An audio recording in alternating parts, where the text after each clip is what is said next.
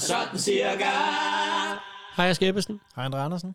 Nå, vi nærmer os jo snart uh, slutningen af alle vores specials. Det gør vi. Vi har stadigvæk nogle af de lange tema tilbage, tror jeg. Uh, men men vi, det her er den sidste øh, af dem, hvor det er, at vi ligesom præsenterer hinandens små historier, som har været ja. igennem uh, sæsonerne.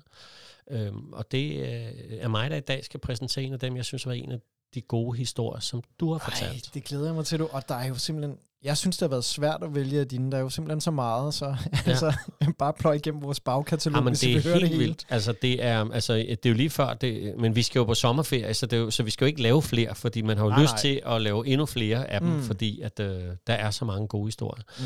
Men denne her, tror jeg også er en af dine egne yndlingshistorier. Fordi Okay. det, er jo ikke, det er jo ikke nogen hemmelighed, øh, det har vi i hvert fald sagt før, at vi går jo og barsler med, at vi skal ud og lave et, øh, et show, der hedder sådan cirka, hvor vi Ja. går ud og fortæller historierne. Hvor vi faktisk, øh, det skal vi faktisk til efteråret. Det kan vi Det snakke vi. om, når vi Mm. starter den sæson, ud og lave nogle af showsene. Og der er en af de første, du selv snakkede om, den kunne jeg godt tænke mig at prøve Mm. at få dramatiseret til scenen. Det var denne her historie her. Den er fra første sæson, og det er en af de tre-fire første historier, du laver, tror jeg. Ja. Og, øh, og også sådan en, hvor man tænker, det er løgn. Altså, Mhm. mm-hmm. vi skal tilbage til Le Tour. Nej, hvor er det fedt. Ja, vi skal, så, så vi skal øhm, høre noget om Tour de France. Øh, ikke øh, det første år, men andet år, og det blev øh, afviklet. Hvor Ja. det var ved at blive det sidste også. ja, det var det. Ja. Tak for at vælge den, fordi Jamen, det, det- det er en sjov historie. Det er, sådan en, det er nemlig sådan en, hvor man tænker, det er løgn. Ja. Ej, nu er det endnu mere løgn. Ja. Ej, nu lyver de rigtig meget. Ja. Det, det er vildt. Øhm, og det er jo det, der har været det sjove ved at lave de her programmer, det er, at det, sådan har vi det jo også selv, når vi falder over dem, øh, Ja. og går ind og faktatjekker en enkelt eller to gange, og ikke meget Ja. mere, for det er jo sådan cirka. Men den er, øh, det er en, øh, en fed historie. Ej, Øh, hvor så. Fedt. så her skal vi tilbage på Tour de France, hvor det ikke gik stille for os, og det Ja. var lige ved at blive den sidste. Og godt, der ikke var nogen, der døde undervejs. Og hvor vi skal høre om den lille skorstensfejr. ja, det er rigtigt.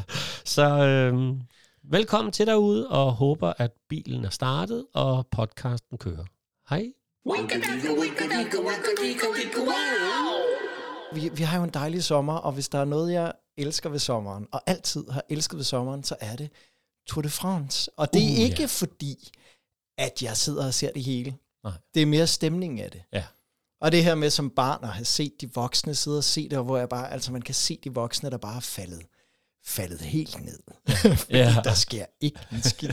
altså jeg kan huske, da jeg så det som barn, der tænkte jeg også, hvad går, hvad går det her ud på? Og ja. i mange år, så troede jeg, at det her, det var en konkurrence mellem bilerne og cyklerne.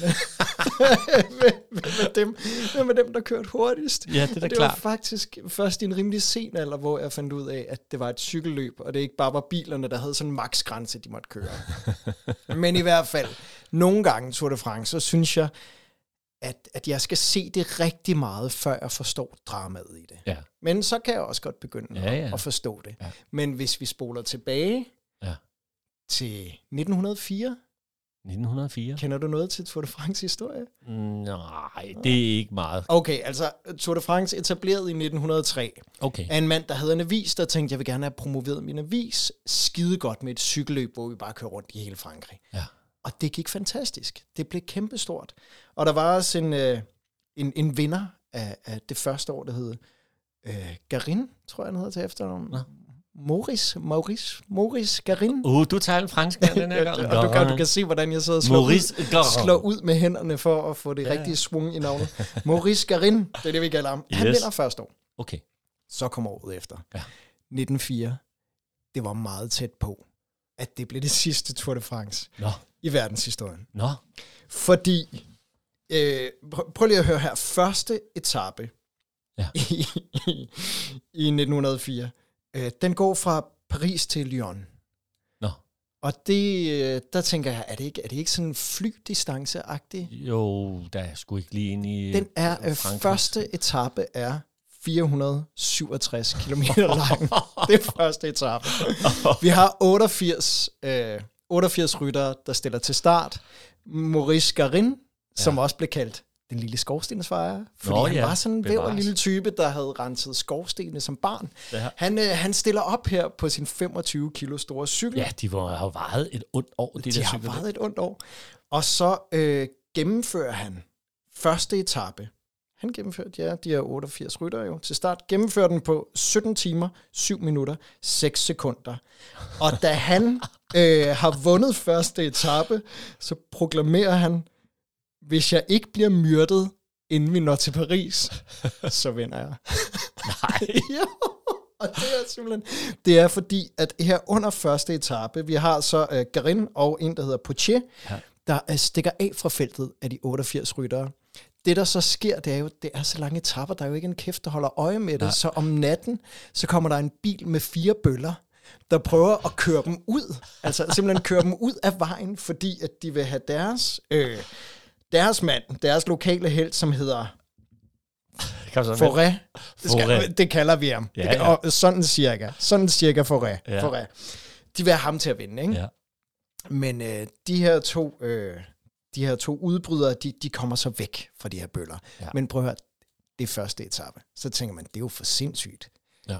Men så kommer anden etape. Yes. og den er også lige så lang, den her. Og øh, på et tidspunkt, så kommer de så øh, til foden af et bjerg. Ja. Og her, der står der igen, og det er igen Foré, den her øh, lokale held, der er blevet diskvalificeret, fordi han har lagt sig bag en bil på et tidspunkt. Nej. For at undgå vinden, så ligger han bag ved bilen hele Ja, ja. vejen. Han er blevet disket, og det er der nogle minearbejdere, der ikke synes er okay. Så de begynder simpelthen at tæve de her cykelryttere, da de kommer til et bjerg. Jeg kan ikke huske, hvad for net, men de skal op ad bjerget. Og de får simpelthen tæv. Der er en italiensk rytter, der får en flaske i hovedet Nej. og må udgå på, udgå på grund af det. Og øh, det er først, da løbsdirektøren ankommer og affyrer to skud op i luften, at der kommer sådan rimelig styr på trommerne. Ikke? Ej, hvor er det sjovt. Så kører de så videre. Det var anden etage. Anden, eller anden etape hedder Yes. det så. Altså, det, det, det lyder jo bare så fuldkommen vanvittigt. Ja, det er da helt vildt. Men så, øh, så kommer tredje etape også.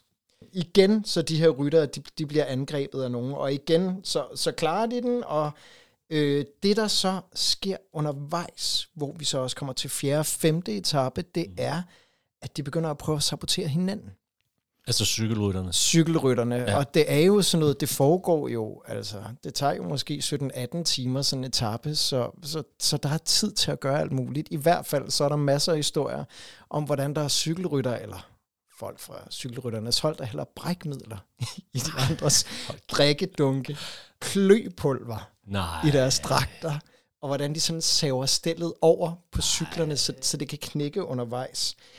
Det gør så også, at da de får gennemført femte og sidste etape, og har kørt de her øh, 2.428 km, der er det 27 ryttere ud af de 88, der vinder.